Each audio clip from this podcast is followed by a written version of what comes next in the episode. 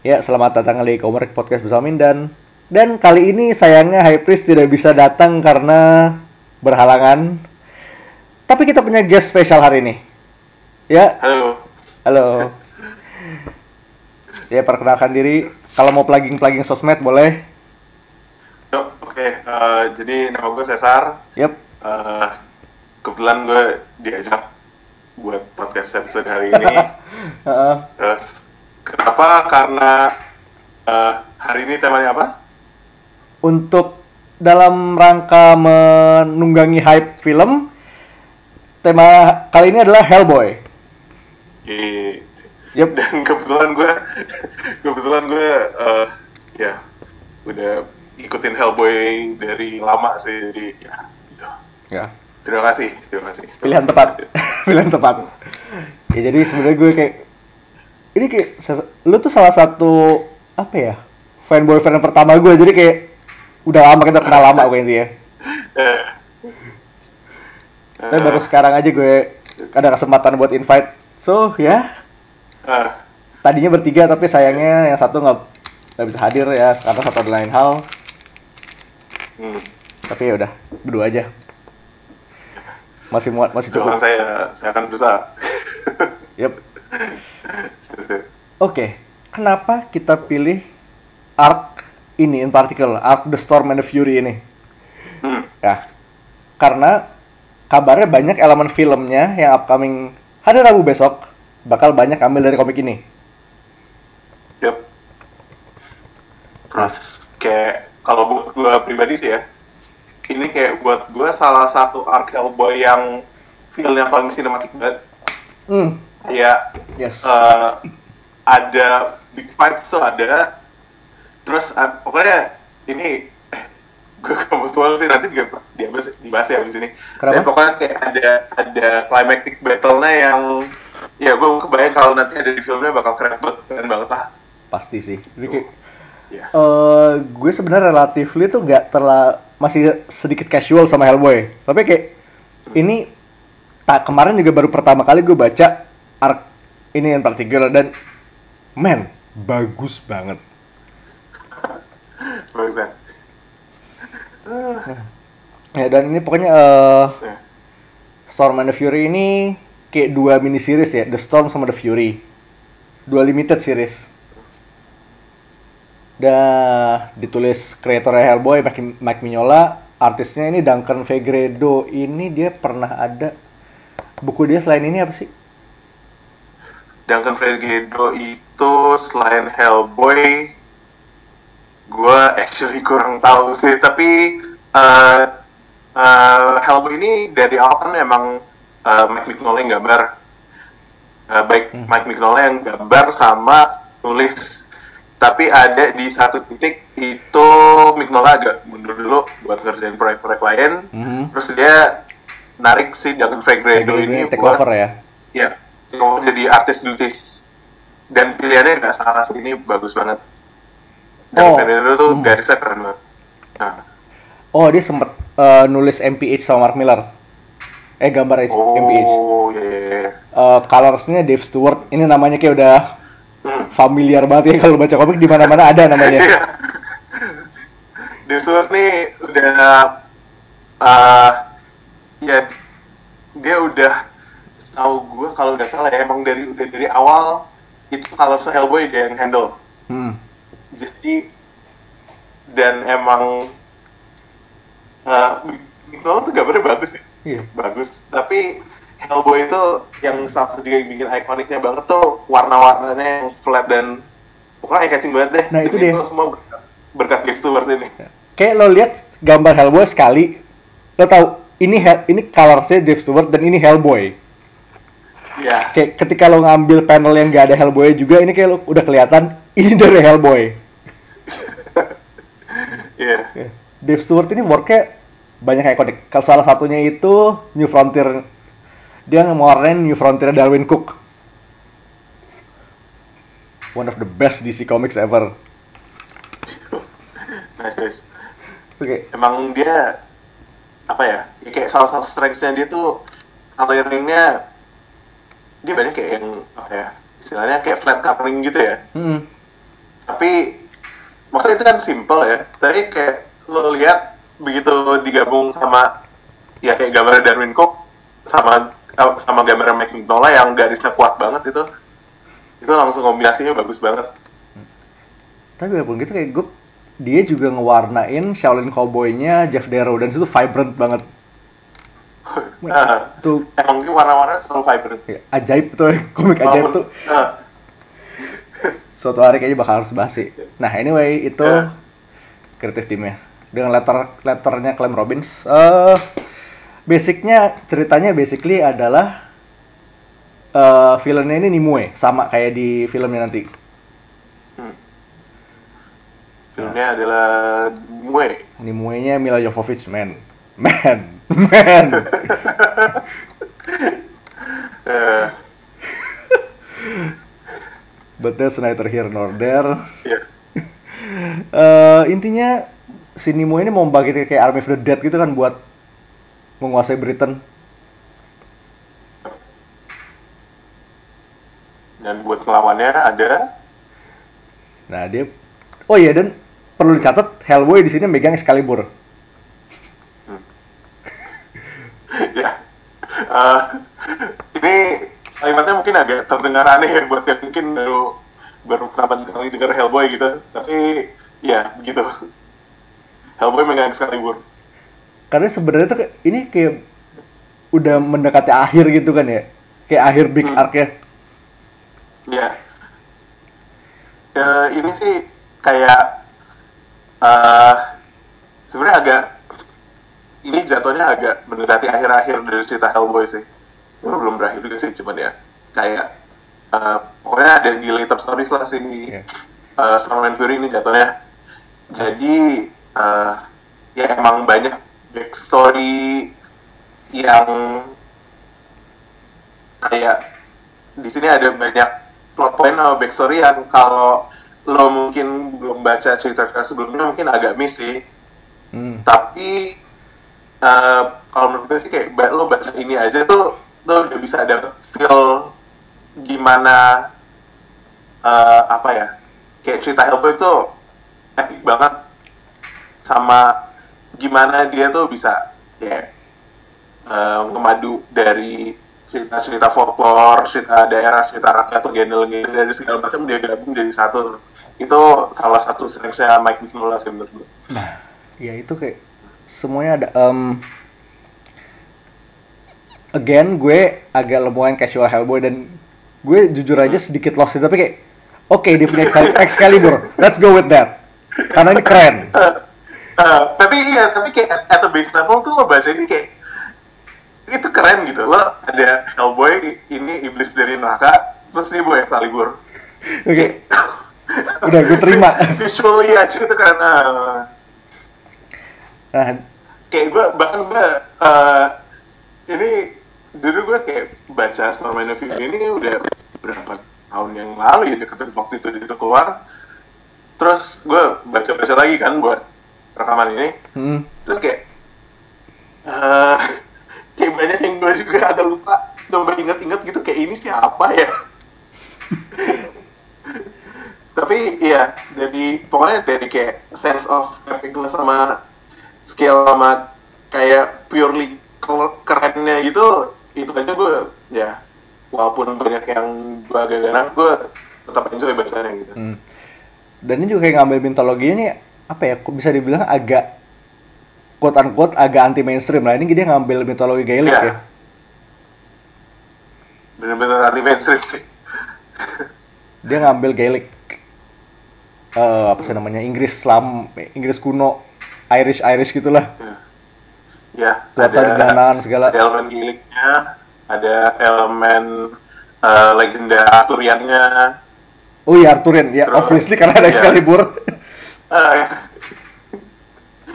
Excalibur terus kayak ada elemen-elemen ya emang dari staple Hellboy ada elemen-elemen eh, Lovecraftiannya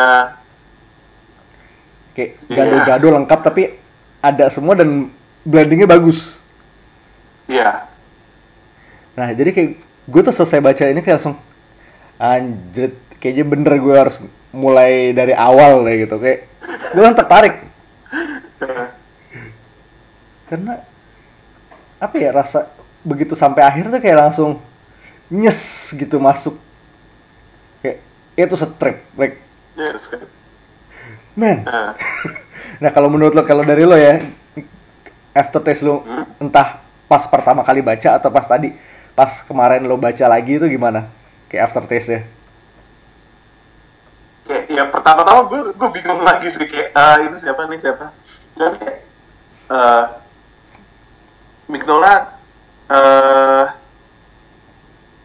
kayak ya dari ini tuh art story-nya emang kulminasi dari beberapa story art yang udah ada sebelumnya. Dan dari Hellboy sebelumnya sampai si story ini. Hmm. dan banyak plot banyak banget plot point sama karakter yang udah ada dari sebelumnya. Tapi eh kalau gue kesampingkan hal-hal itu dan gue baca ini sebagai purely ada ceritanya oke eh, ini ada si jahat Nimue ini. Ya. Si Nimue Blakinnya ini antagonisnya. Terus oke ada protagonisnya Hellboy. Sama si Alice bawa ya? Excalibur.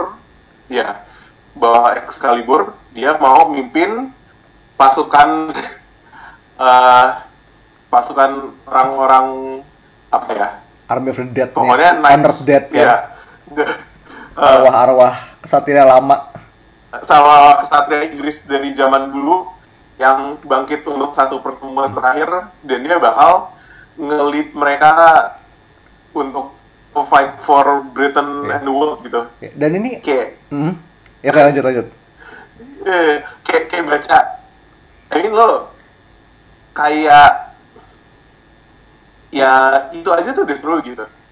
Lo lo lihat Hellboy bawa Excalibur lo lihat Hellboy lawan ini ini udah bahas si yang bakal ceritanya aja gak apa-apa ke spoiler dikit. Gak apa ini kayak full spoiler aman kok. Oke jadi spoiler guys di komik ini ada Hellboy lawan naga di kastil yang terbakar. Hmm.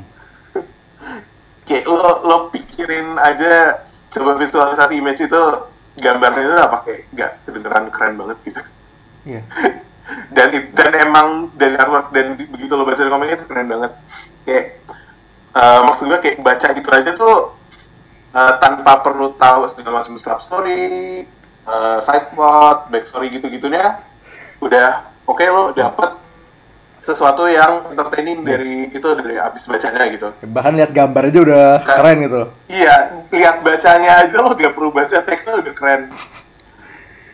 Kayak jadinya ya eh, kalau gue bisa nyamain Mhm. kayak aftertaste-nya Hellboy itu ya cuma komik ini ya tapi kayak banyak komik Hellboy lainnya in general ya itu lo kayak lagi dengerin ya lo kayak lagi deng dengerin ini lo dengerin cerita rakyat atau legenda Do legenda? didongengin gitu ya iya iya iya iya. Nice. Dan uh, emang Hellboy banyak dia banyak ngambil elemen-elemen dari mitologi legenda gitu-gitu. Hmm. tapi lo kayak baca baca Hellboy-nya sendiri lo emang bener-bener jadi kayak lagi dengerin mitologi atau legenda cerita mitologi atau legenda jadi Hmm. dan ya, lo lo gak perlu tahu itu semua siapa lo denger kisah keren tentang si orang hebat ngelakuin hal-hal hebat gitu. Iya. Itu kayak basic basicnya itu? Iya, iya kayak satu hal yang yang dari cerita-cerita Hellboy itu gak pernah gak pernah miss tuh dia selalu ada sense of apa ya? Sense of epicness-nya gitu. Kalau gue bisa bilang for lack better word. Sel- ya tapi itu kayak that's a word kayak kita ambil aja. Hmm.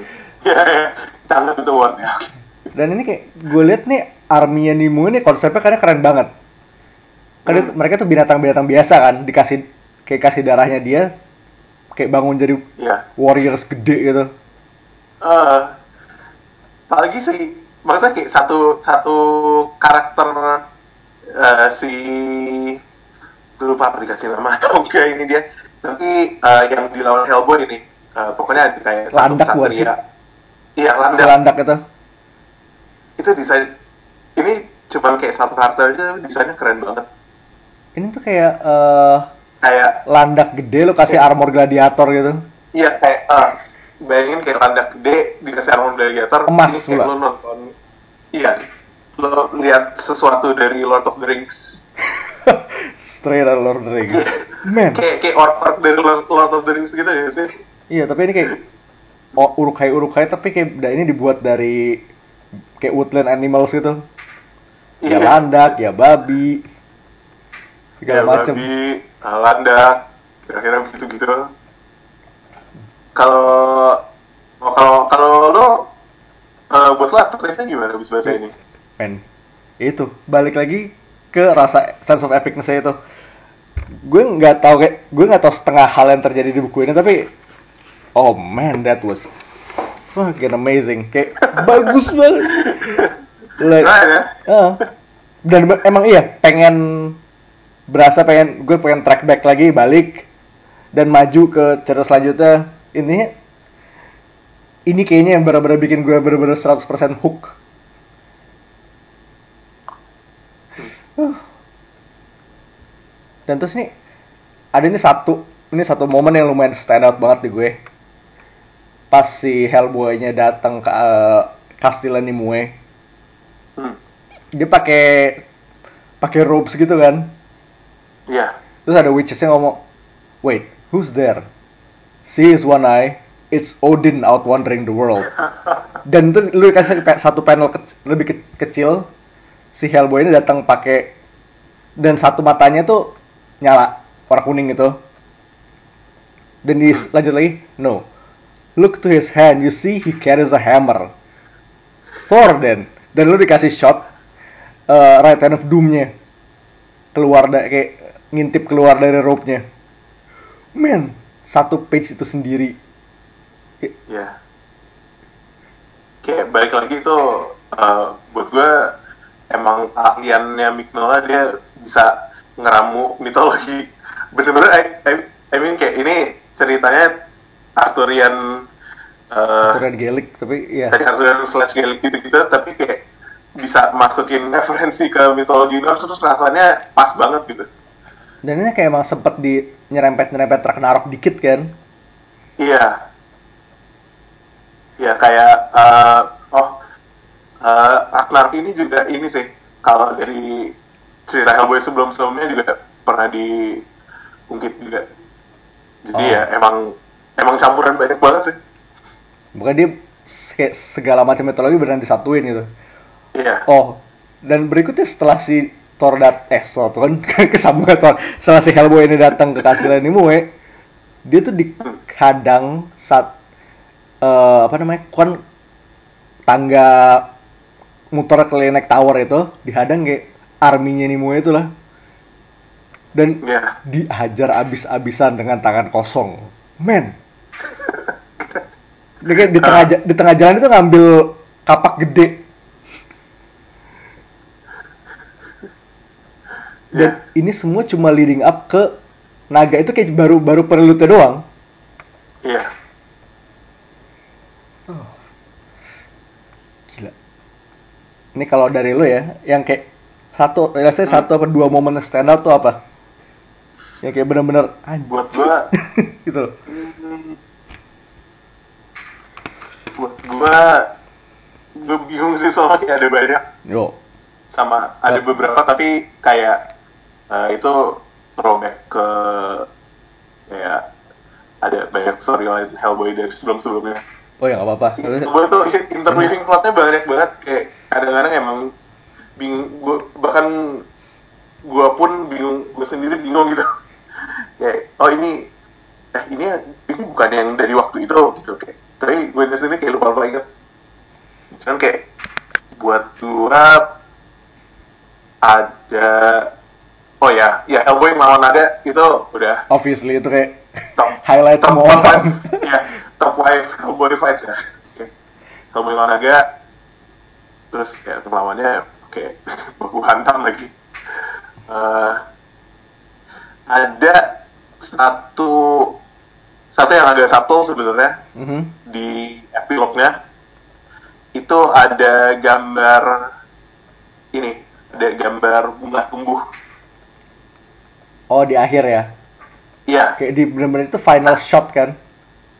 Iya, eh, itu buat kalau lo cuman baca ini doang mungkin mungkin itu sama sekali gak ada ininya ya kayak ini apa sih ini bunga nih? Kayak lo no ya oh ya udah gitu aja. Tapi kayak eh ini tuh throwback ke salah satu cerita sebelumnya.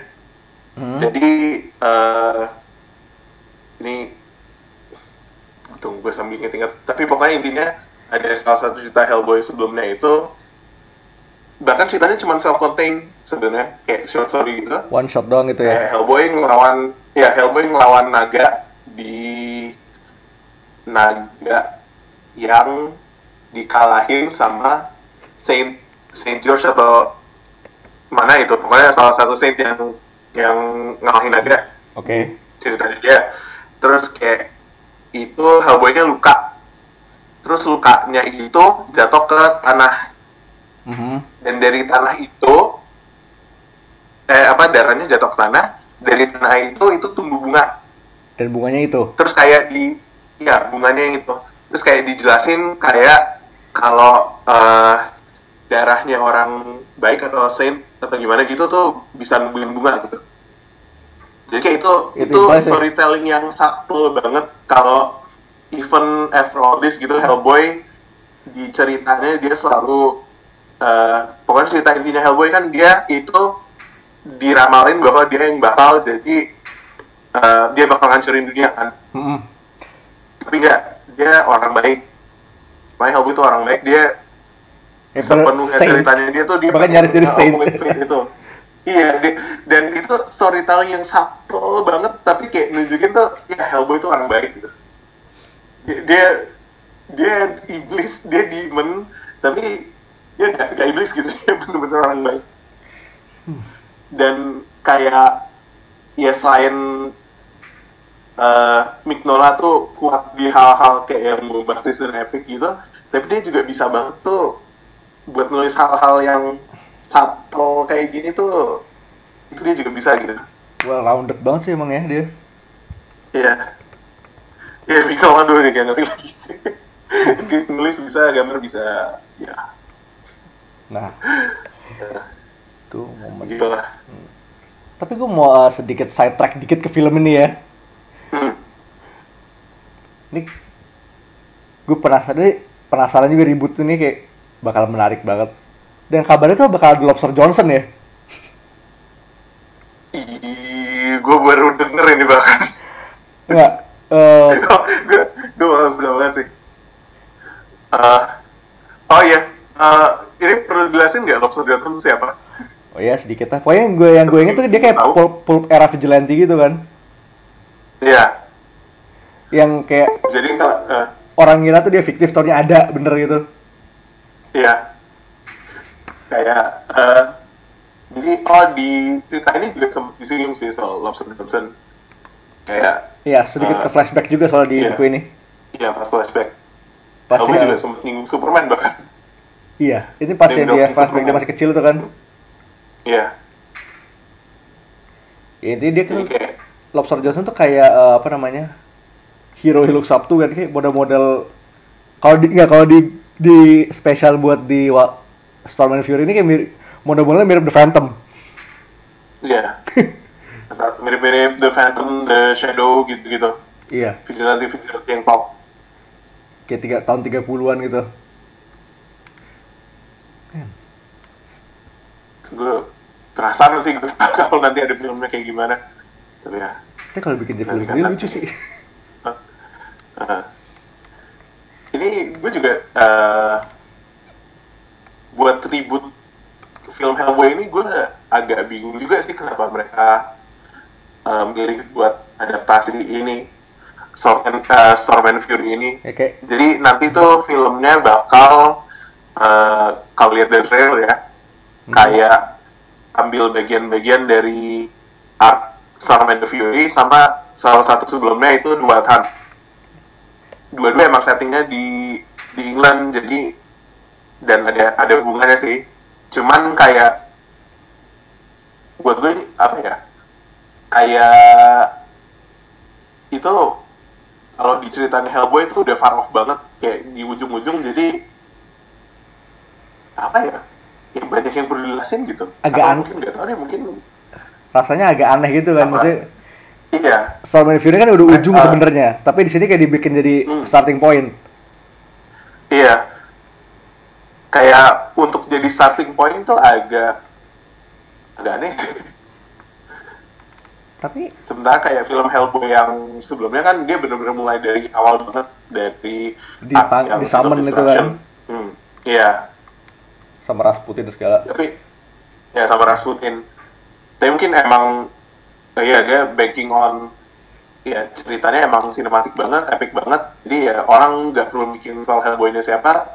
jeblasnya Nonton aja gitu. tau udah ya kayak mungkin kayak 60 70 persen udah pada tahu juga sih ya Iya.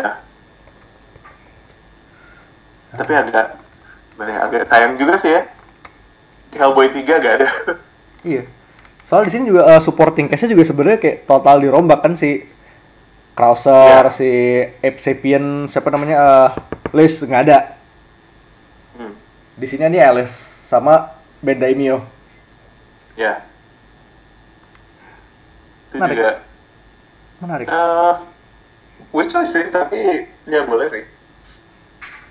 Oh tapi ini gue suka banget nih. eh Burton Home-nya McShane. Men, that kayak so underrated. Iya. Nah, Ian McShane ini emang kayak di di mana-mana ada gitu loh. iya. Sekarangnya masih dia masih di itu kan masih di American Gods. Di mana? American Gods. Oh iya. iya, iya. Tuh, em- Tapi ya gue penasaran. Bi- Biarpun emang pada awalnya decisionnya emang agak suspek dia kenapa tiba-tiba diribut padahal udah udah oke gitu kan yang dulu ya. Iya. Dan men, lo ngeribut kerjaan kerjaan Del Toro. itu kayak Iya.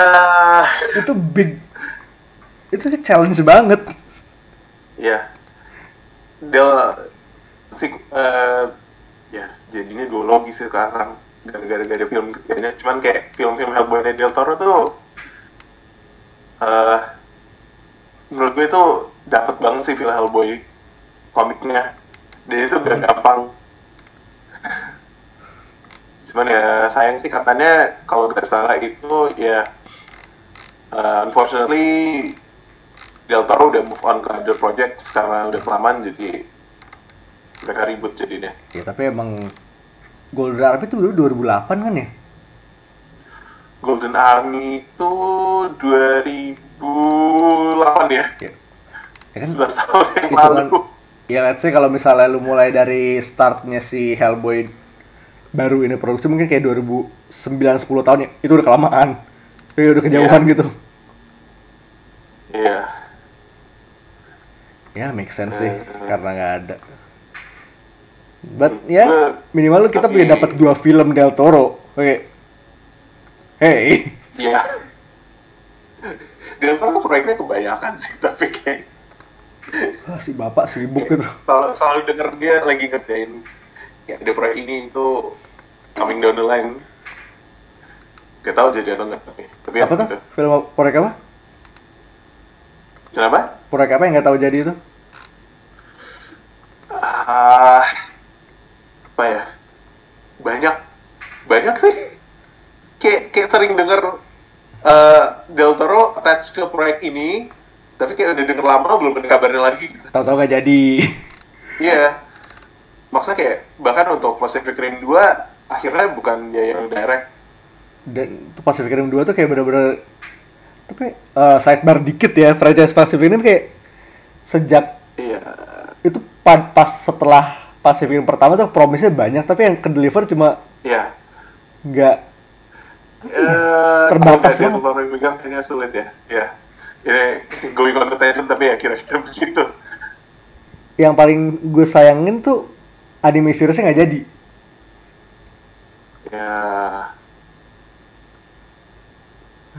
ya begitulah Nah, what could have been sih kayak eh, Del Toro ini kayak kalau dibanding sama Pignola soalnya sebenarnya kayak em, apa bukan style ya. Tapi kesukaannya banyak banyak yang mirip-mirip gitu. Kayak dua-duanya sama-sama strong di suka hal-hal yang ya kayak folk tales uh, legenda-legenda mitologi gitu-gitu dua-duanya kuat. Jadi sayang sih. Walaupun gue masih looking forward ke film Hellboy yang ribut ini. Cuman uh, ya filmnya pasti bakal beda sih. Oh pasti. Tapi bakal menarik tapi ya kalau hmm, kalau uh, lo mau mau nyoba yang masuk ke Hellboy gitu uh, dari filmnya gue rasa gak masalah sih malah mungkin bagus iya yeah. dan speaking of uh, masuk ke Hellboy nih hmm. lo kira-kira ada rekomendasi kayak komik lain nggak buat orang yang penasaran pengen masuk ke ke dunia Hellboy oke jadi uh, pertama yang jelas karena Hellboy itu ceritanya panjang banget uh, oh iya. Ya, mungkin mungkin pertama dari ya. awalnya Seed, Seed of Destruction. Uh, tapi kalau cerita-cerita favorit gue sih uh, Hellboy banyak ini sih. Hellboy banyak cerita yang kayak stand alone-nya gitu mm-hmm. itu ada di kumpulan-kumpulan yeah. TPB Trade Paperback itu ada. Belakangannya kayak uh, banyak ngeluarin one shot ya dia? Iya. Uh, sekarang Hellboy kemarin tuh di itu... yang Meksiko ya? Iya. Iya. Uh, kayak banyak apa ya? Soalnya oh, ini spoiler buat Storm and Fury sih. Ah, gak apa Go for it. ya uh, jadi jadi guys di akhir Storm and Fury ini Hellboy-nya mati. Yep. Iya. Iya. Eh, jarang-jarang ya uh, ada cerita terus karakter utamanya mati. Tapi ya mati Tapi, ini mati tanda kutip sih. masih lanjut. Ha, kalau tanya gimana uh, jadi ya setelah mati ini Hellboy-nya pergi ke neraka. Ya. Judulnya adalah Hellboy in Hell. Hellboy in Hell. Cukup deskriptif. cukup ya, deskriptif. ya.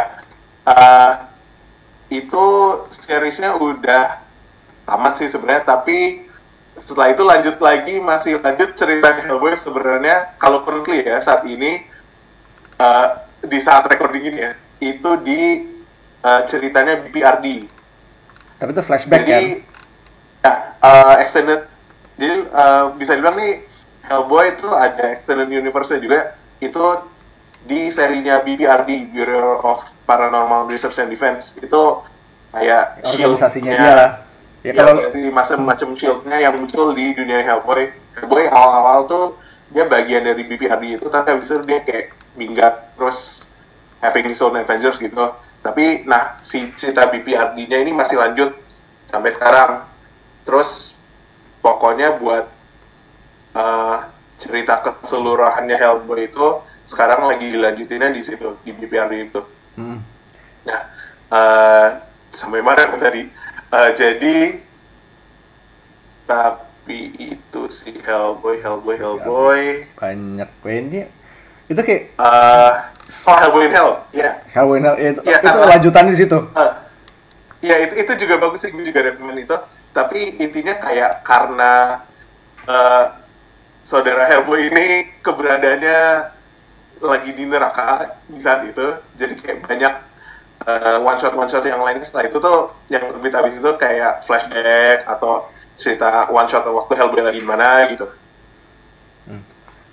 Ini ya, gue lagi tapi, cek ya. Uh, jadinya ya. bagus sih soalnya lo kayak lo bisa yang one shot one shot ini lo bisa pick up terus baca tanpa terlalu tahu banyak atau ngikutin si Hellboy. Ya. Iya tanpa terlalu los lah. Uh, tapi sih kayak salah satu one shot yang gue paling suka dan banyak bilang ini cerita Hellboy yang paling bagus itu ada di awal-awal sih hmm. uh, judul ceritanya itu The Corpse yang kalau misalnya pernah nonton film Hell ya The Corpse tuh kalau pernah uh, nonton film Hellboy yang pertama pertama ya iya yang pertama uh, itu kan ada adegan Hellboy manggul mayat nah itu uh, terinspirasi sama cerita pendek ini. Nah, kenapa gue milih si cerita pendek ini yang bisa ditemuin di TPB Hellboy Volume 3? The Chain Coffin and Others. Mhm. Kenapa, kenapa gue bilang ini? Soalnya, eh, jadi ceritanya, si Hellboy ini disuruh manggul mayat buat dimakamin. Ceritanya cuman simpel banget sebenarnya kayak eh, Hellboy keliling keliling buat nyari makam buat makamin si orang ini. Si mayat yang dibawa-bawa itu. Iya. Kalau dia gak nemuin mayat sebelum waktu yang ditentukan, ada anak bayi yang diculik sama kaum peri itu gak bakal dikembalikan ke orang tuanya. Dan by the way, anaknya Nah. si anak itu Alice. Ya si anak itu Alice nanti bayi itu akan tumbuh jadi Alice yang tumbuh yang muncul di The Storm and the Fury. Jadi kayak it's all connected. Oke, saat ya itu meme yang it's all connected itu ini sangat Tapi cocok buat gambarin cerita iya. Hellboy sih. Semuanya nyambung. Jadi, Cocok connected buat semuanya gitu kesambung. eh, Nah kayak eh, dari cerita ini itu kayak singkat maksudnya ceritanya cuma gitu. Dari cerita ini lo bisa dapet eh eh, gimana Hellboy itu eh, folklore legenda mitologi gitu-gitunya kuat banget. Terus gambarnya ya bagus, gambarnya Mipnola. Eh, ini gue tadi lupa bilang sih tapi kayak pas lagi ngebahas ngebahas Duncan Figueredo emang emang dia gambarnya bagus banget hmm, yo yo Tapi- banget. Gambarnya Mike Mignola ini sendiri nih lo kalau lihat gimana ya? Bagus banget sih. Kayak salah satu alasan gue pengen ngedalamin gambar tuh gara-gara ngeliat gambarnya Mike Mignola. Yep, inspirasi itu khas ya. banget dan even eh, udah artis lain yang nge-take over bukunya dia tuh gak gak bisa nyamain gambarnya Mignola lah bisa dibilang. Itu kelihatan banget di karya-karya yang awalnya dia udah kelihatan. Kayak di Hellboy awal juga udah. Nah eh, sama ada satu lagi elemen yang itu sebenarnya kuat banget di Hellboy tapi belum kebahas sampai sekarang sih Oke. belum sempat mention. Itu humornya. Nah, ceritanya lucu banget. The Corpse tuh kocak banget. Kayak ada ya silakan dibaca sih tapi eh iya. Eh, ini Corpse kocak sih tapi nih, Oke. Hmm. kayak Hellboy tuh ceritanya sebenarnya banyak yang kayak apokaliptik gitu-gitu. Tapi elemen humornya sebenarnya selalu ada dan mostly itu dari si Hellboy-nya sendiri dan attitude-nya yang kayak eh, terserah gitu. Rasa bodo amat tuh ya. itu dapat ya mas bodoh itu dapat banget di ceritanya. Nah, Eh, tapi ini kayak kalau lo udah sering main-main ke meme page komik-komik kan di Facebook ini ini meme-nya Hellboy ini sabrek banget. ini satu saat salah kayak berapa yang paling membekas di gue tuh kayak yang monyet kayak he's got a gun. Monyet pegang pistol. Eh, maksudnya dari dari tiga panel ini tuh kan udah sering kayak lo sering banget nemu di internet gitu. Itu tuh kocak banget.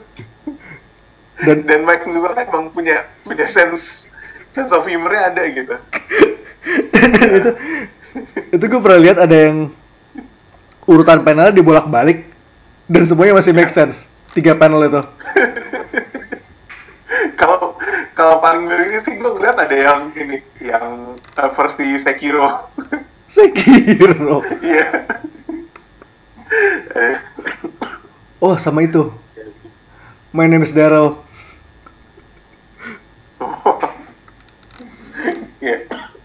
Sama ada satu biji apa sebiji panel tuh yang si Hellboy lagi nunjuk megang botol rum Iya. don't mess with me lady Iya. I've been drinking with skeletons Iya. Gila tuh itu tiga itu udah lumayan ikonik di kayak di page-page Iya, iya. meme tapi sini banyak banget tuh Ah, fucking Hellboy ya, apa ya? tapi di luar Hellboy ini kayak gue punya beberapa komik yang quote unquote tema lah. Intinya temanya sama. Monster fighting. Ini satu lumayan recent offeringnya Marvel itu The Howling Commandos of Shield itu keluaran Oh, kayak baru berapa tahun yang lalu mungkin kayak 2016 17 2015 sorry Oke, eh, kemudian kebanyakan dari lo tahu Holy Commandos itu timnya Fury pas Perang Dunia 2. Fury, Dugan, dan kawan-kawannya. Nah, versi ini, ini timnya Shield yang dibikin buat ngelawan monster. Isinya monster. Yep. Oh, yang nggak harus tahu, eh, ini subdivision Shield. Namanya Stake. S-T-A-K-E. S ini yang lo pakai buat nusuk vampir. Dan mereka punya singkatannya Special Threat Assessment of for Known Extra Normalities. Men, jago loh. Ya. Zero ya bikin akronim gitu gitu. Lu, lo punya shield, lo punya armor, lo punya Ya. sword. Ki- Semuanya punya kepanjangan, cuma hammer doang yang belum punya. Hammer Nggak, lu- si kan waktu itu si Osborn bilang si Victoria Hand suruh, suruh bikin pokoknya. Yang penting namanya hammer, lu cari singkatannya sana, lu Ah. cari kepanjangannya. ya. Nah, oke balik si Holy Commandos ini isinya itu Dam-Dam Dugan dalam bentuk LMD karena yang asli udah mati. Eh, ada Warwolf. Ini basic. Ini jatuhnya tuh kayak eh jadi si Warwolf ini sebenarnya orang shield. Dia punya kemampuan buat transform jadi werewolf. Dan ada Jasper Sitwell dalam bentuk zombie karena dia udah mati, udah lama mati. ada Vampire by Night, ada Man Thing, Manphibian, si manusia, si pokoknya si creature from Black Lagoon itu, Teen Abomination dan dua paling ajaib nih ada Orgo. Ini Orgo ini klasik apa klasik Marvel monster zaman zamannya Masuk Marvel Monster. zaman zaman 60-an dan ada kayak the outside pick of outside pick ada hit monkey legend Hmm. hit monkey tuh legend banget Oh ini si si Orgo ini setahu gue kalau gak salah kayak baru-baru ini ada ini ya? Ada cameo di komik mana gitu? Mungkin Monsters Unleashed kan di situ ada semuanya. Oh iya. Oh bukan. Eh, oh malah di ini malah di komik Distinguished Competition. Oh iya. Tapi ya namanya bukan cameo. Orgo siapa gitu. Komik sebelah pokoknya iya iya. Iya iya gue sempet Di, ngepost lagi eh, apa sih namanya? Pokoknya Org Ar ya pokoknya kayak mir- namanya mirip Orgo tapi di beda-bedain dikit gitu biar nggak ya biar nggak kelabrak tuh biar nggak ya, kelabrak yang ya. punya sih beda-bedain dikit sebelas sebelas lah Terus tuh ada captionnya adalah wait, namanya itu Ogro. Dan Oh. caption caption itu not sure how he got here. Eh, Kesasar. iya, iya. Terus ya, Oh di uh, buat yang penasaran di damage. ya di komik damage itu kan dia cerita lagi kesasar di Monster Island-nya DC. Ya. eh oh, sama satu lagi yang gue notice itu Orgo itu ada of all places di Iron Fist-nya Netflix. Apa? Oh, gue gue gak nonton Island Fist sih. Gue gak tau ini. jadi long story short, si, pas si Daniran balik ke kantornya di Rent Tower, eh, di bawah meja kerjanya tuh dia punya stiker. Pas kecil dia tuh sering nempel stiker di bawah meja kerja bapaknya. Ah. Nah, salah satu stiker di meja kerja itu adalah Orgo. gue juga nggak percaya pas pertama kali lihat. Ini kayaknya pernah lihat. Gue mesti kayak nge-replay tiga kali sebelum yakin tuh Out of Orgo. all things ya. Of all things Orgo. Padahal lain, yang lain itu kayak monster-monster random, cuma si Orgo doang. Ya tapi ini eh, si apa namanya? Howling Commandos cuma tahan 6 isu tapi Commandos. it was fun while it lasted. Dan Hmm. satu lagi nih yang kreasinya Mignola juga adalah The Amazing Screw One Head. Iya. Oh boy, this fucking. Eh, ini gue eh, gue actually punya punya komiknya ini. One shotnya itu. Komiknya. Iya, gue actually Nice. punya one shotnya. Gue bahkan ini ini exposure gue pertama ke Mike Mignola. Kayak ada lagi ada bazar-bazar gitu terus ada komik-komik bekas. Terus kayak gue nemu The Amazing Scroll Head. Itu treasure banget Yes. berarti ya. Setelah itu hidup gue berubah. ya, tapi ya iya. Jadi konsepnya ini adalah dia itu robot yang kepalanya bisa diganti. Thus Ya. screw on head. Iya. Palanya literally bisa di screw on ke tempat-tempat lain, badan-badan lain. Iya. Kayak baut, kayak baut, kayak kepala teh Iya. lehernya baut. Terus ini sempat ada animated pilot juga ya. Yap. Eh, ini si Scroll Head ini jadi kayak apa ya? Apa ya? Komiknya gue mau menjelaskan komiknya gue kehilangan kata-kata soalnya gimana dijelasin komiknya ya? ya? Semacam absurd, Ceritanya absurd, kayak asik eh, gitu sih. Jadi ada si Scrollhead ini dia adalah robot, terus dia mengabdi kepada eh, Presiden Abraham Lincoln. terus dia ditugaskan buat ngelawan eh, musuhnya namanya Emperor Zombie. Oh iya, Seorang zombie. Emperor Zombie. Dia dia mau apa ya? Pokoknya nanti ada sesuatu yang ada turnip turnip bahasa Indonesia apa astaga gue lupa. Turnip itu kayak Ad- ya dan ada turnip gue mau bengkoang aja, dalam, bu- bukan bengkoang. Iya, iya. eh, di dalamnya itu ada eh, ada apa ya? Lobak. dimension dan gitu-gitu. Please. Ya lobak. Lobak. Terus pokoknya nanti si Scrownhead ini melawan monster dan gitu. Ada paralel, Pok- ya, pokoknya lobak ini kalau isinya sempet- universe. Iya. pokoknya kayak kalau sempet tadi disinggung soal Mignola tuh sense of humornya bagus banget sebenarnya. Ini tuh paling kelihatan banget di Amazing Scrownhead ini. Dan ini kayak cuma one shot doang ya. Iya, sayangnya ini hanya one shot dan kayak tadi sempat dibilang emang pernah ada mau ini dijadiin animated series. Ada pilotnya itu eh, kalau mau nonton sih coba cari aja di Kayak di di YouTube, ada deh. Gue waktu itu udah nonton di YouTube soalnya. Di YouTube ada.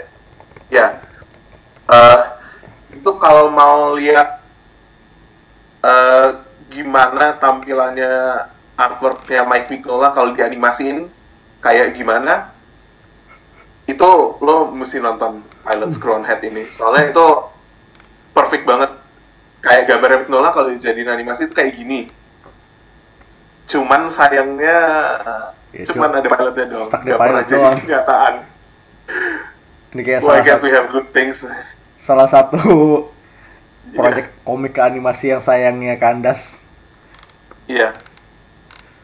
Pokoknya kayak biz- bizarre banget tapi lucu banget deh Iya. gitu Ini kayak model-modelnya punya kayak kayak Eltingville ya. Ini saking niche-nya juga network juga agak-agak takut mau ngambil kan. iya Emang bahkan di network yang udah jualan barang niche, ini lebih niche lagi. iya Eh, Tapi ya 22 menit kayak satu full satu full episode kartun. iya lo kalau mau nonton nontonnya itu really worth your time Di YouTube ada, di YouTube ada barusan gue baru cek. iya di YouTube ada selamat nonton Ah, Oke, dan satu lagi tadi eh, lo mau nambah satu komik lagi ya kalau salah. Oh, eh, kalau oh eh, satu lagi rekomendasi gue buat cerita Hellboy itu Hellboy-ish kan? Yang. Hellboy-ish. Iya. Oh ada satu lagi sebenarnya sih. Oh, Hellboy-nya Eh, dulu Hellboy. ya. Ya. Oke. eh, ini sebenarnya singkat sih. Arc-nya kayak cuman dua isu gitu. Munculnya di TPB Hellboy Volume 7. The Troll Witch and Others. Itu ceritanya judulnya Makoma. Nah, ini ceritanya ceritanya sebenarnya bukan cerita Hellboy. Ceritanya itu kayak nyeritain eh kayak semacam cerita rakyat Afrika, tapi yang yang mainin peran utamanya ini Hellboy. Uh, Nah ini gue sempet ketipu nih, gue bener-bener ketipu. Ini gue dulu waktu baca kira ini cerita atau legenda Afrika beneran. Tapi kayak abis gue belakangan gue pas gue baca-baca lagi kayak ternyata tuh ini beneran ya cuman cerita Hellboy doang. kayak beneran yang nulis Mike Mignola gitu. Bukan adaptasi dari folklore yang beneran ada atau cerita rakyat yang beneran ada si Makoma ini. Terus cuma bikin, kayak- bikinan dia doang. Iya kayak beneran dia beneran. Nice. Orang- tapi kayak convincing banget. Gue kira, gue kira ini oh ya ada cerita Afrika dari mana dia ada pas tapi karakter utamanya Hellboy gitu. Tapi kayak ternyata bikinan dia. Kayak, hah? Asal kayak ini beneran.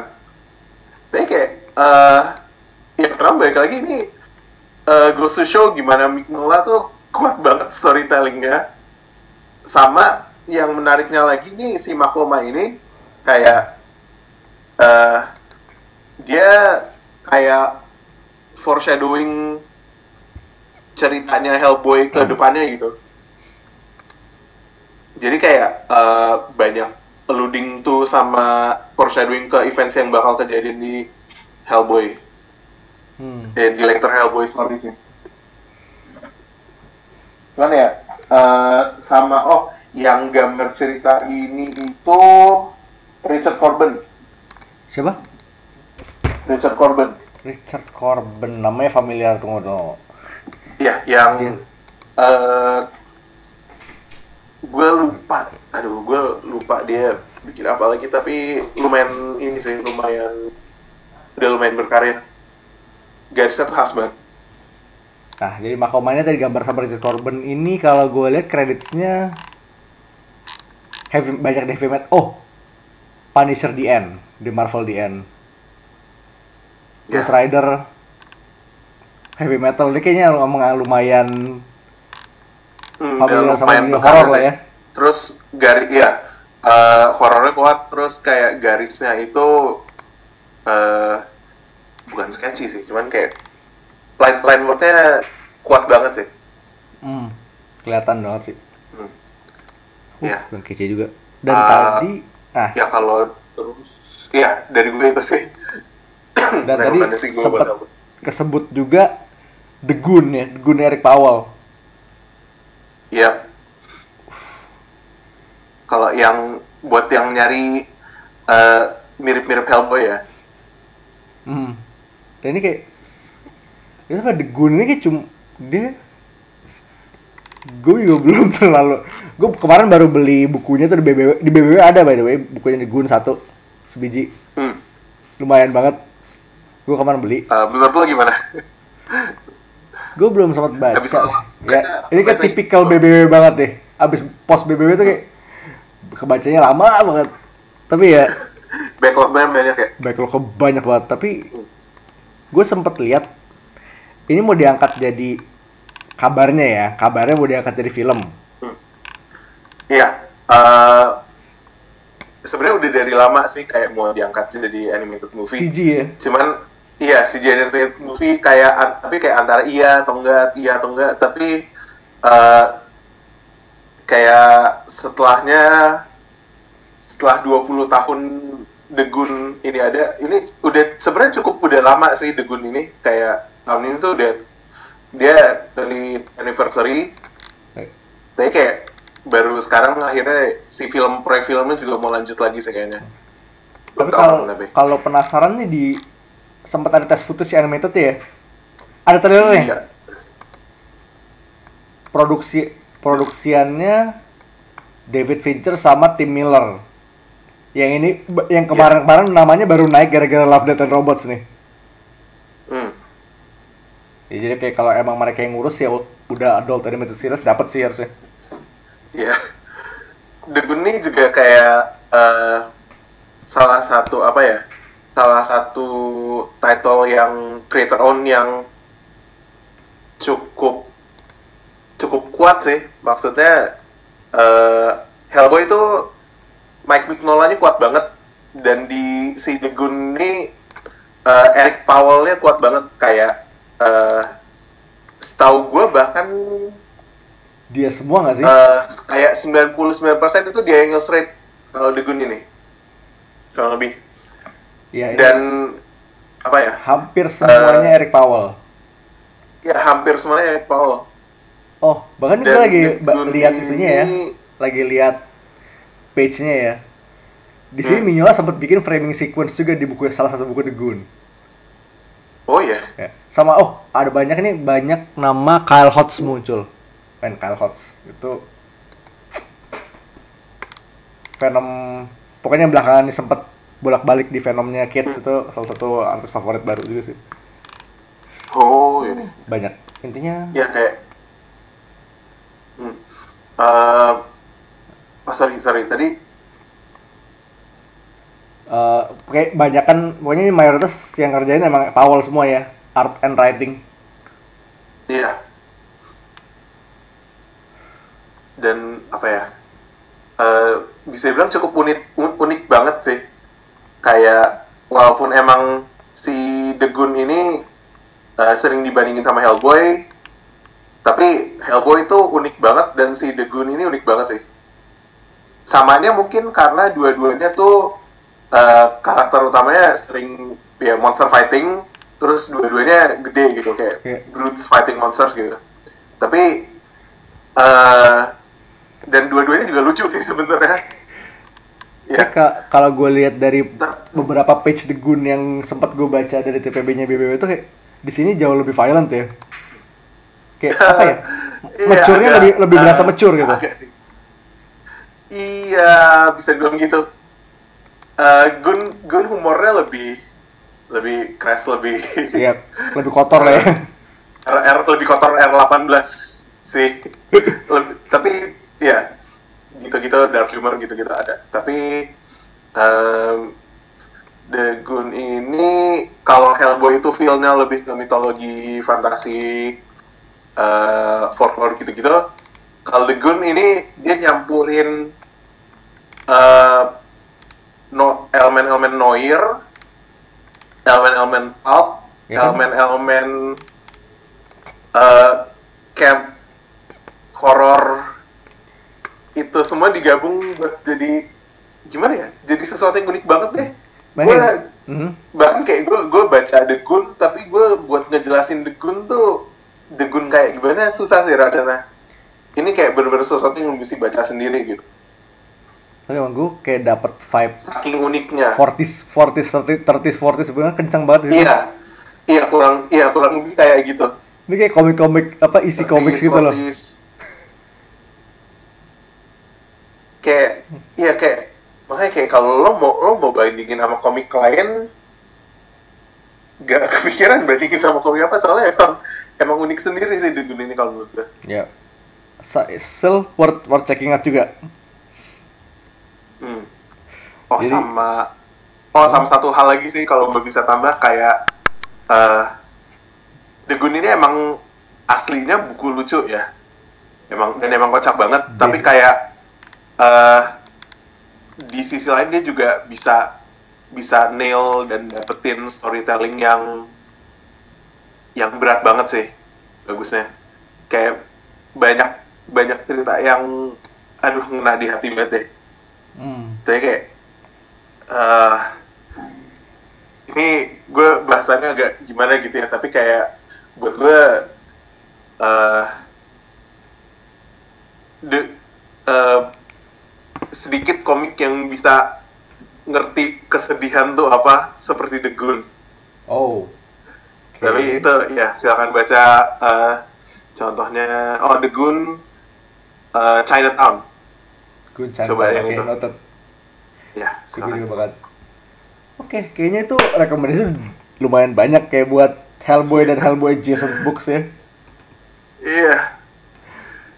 Ya ini ya kalau dipikir-pikir juga gak gak kerasa gitu ya. Bukan gak kerasa sih, tapi kayak Hellboy itu udah udah 20 tahun udah sebanyak itu ceritanya. Walaupun mungkin uh, memang ya gak gak seterkenal sama Cape Comics dan lain-lainnya, tapi dia udah lumayan established banget sih Hellboy ini. Tapi cult lah jatuhnya lah ya. Kayak cult tapi gedean dikit. Hmm. Iya. Itulah. eh, jadi siapa tahu ini bisa membantu kalian lebih quote unquote siap buat film Hellboy Rabu besok. We'll see. Yap. Dan Nonton, nontonlah Hellboy, baca, Nonton, guys. bacalah Hellboy. Terima Yap. kasih. Dari gua. Nah, dan itulah eh so itulah podcast buat minggu ini. Thank you banget Sar, Sar udah mampir. Oh, thank you banget. Kapan-kapan kapan-kapan juga kalau mau nimbrung juga tinggal ngomong aja. Banyak banget kita nggak pernah habisin topik kok. Yeah. Thank you, thank you. Yup. So, Uh, Oh, Ya. kalau Ya. gue boleh plug, bo- monggo. eh oh, eh gue bisa, eh, gue ada suka gambar-gambar juga sebenarnya. Oh, iya. Eh, Page- jadi kalau mau, ya ada page di FB gue biasa naruh gambar gue itu CES aja. C Charlie Echo Sierra. Saya lu Eh, pisah. dicari Eh. di like di FB. Terima kasih. Sorry, disambung ya CS ya. Ada kok paling Ah. kalau lo nulis itu langsung nongol di atas. Eh, tuh. Oke, pluggingnya udah. Berarti oke. So we'll see you next time. Desmin dan signing off. Dadah. Dadah.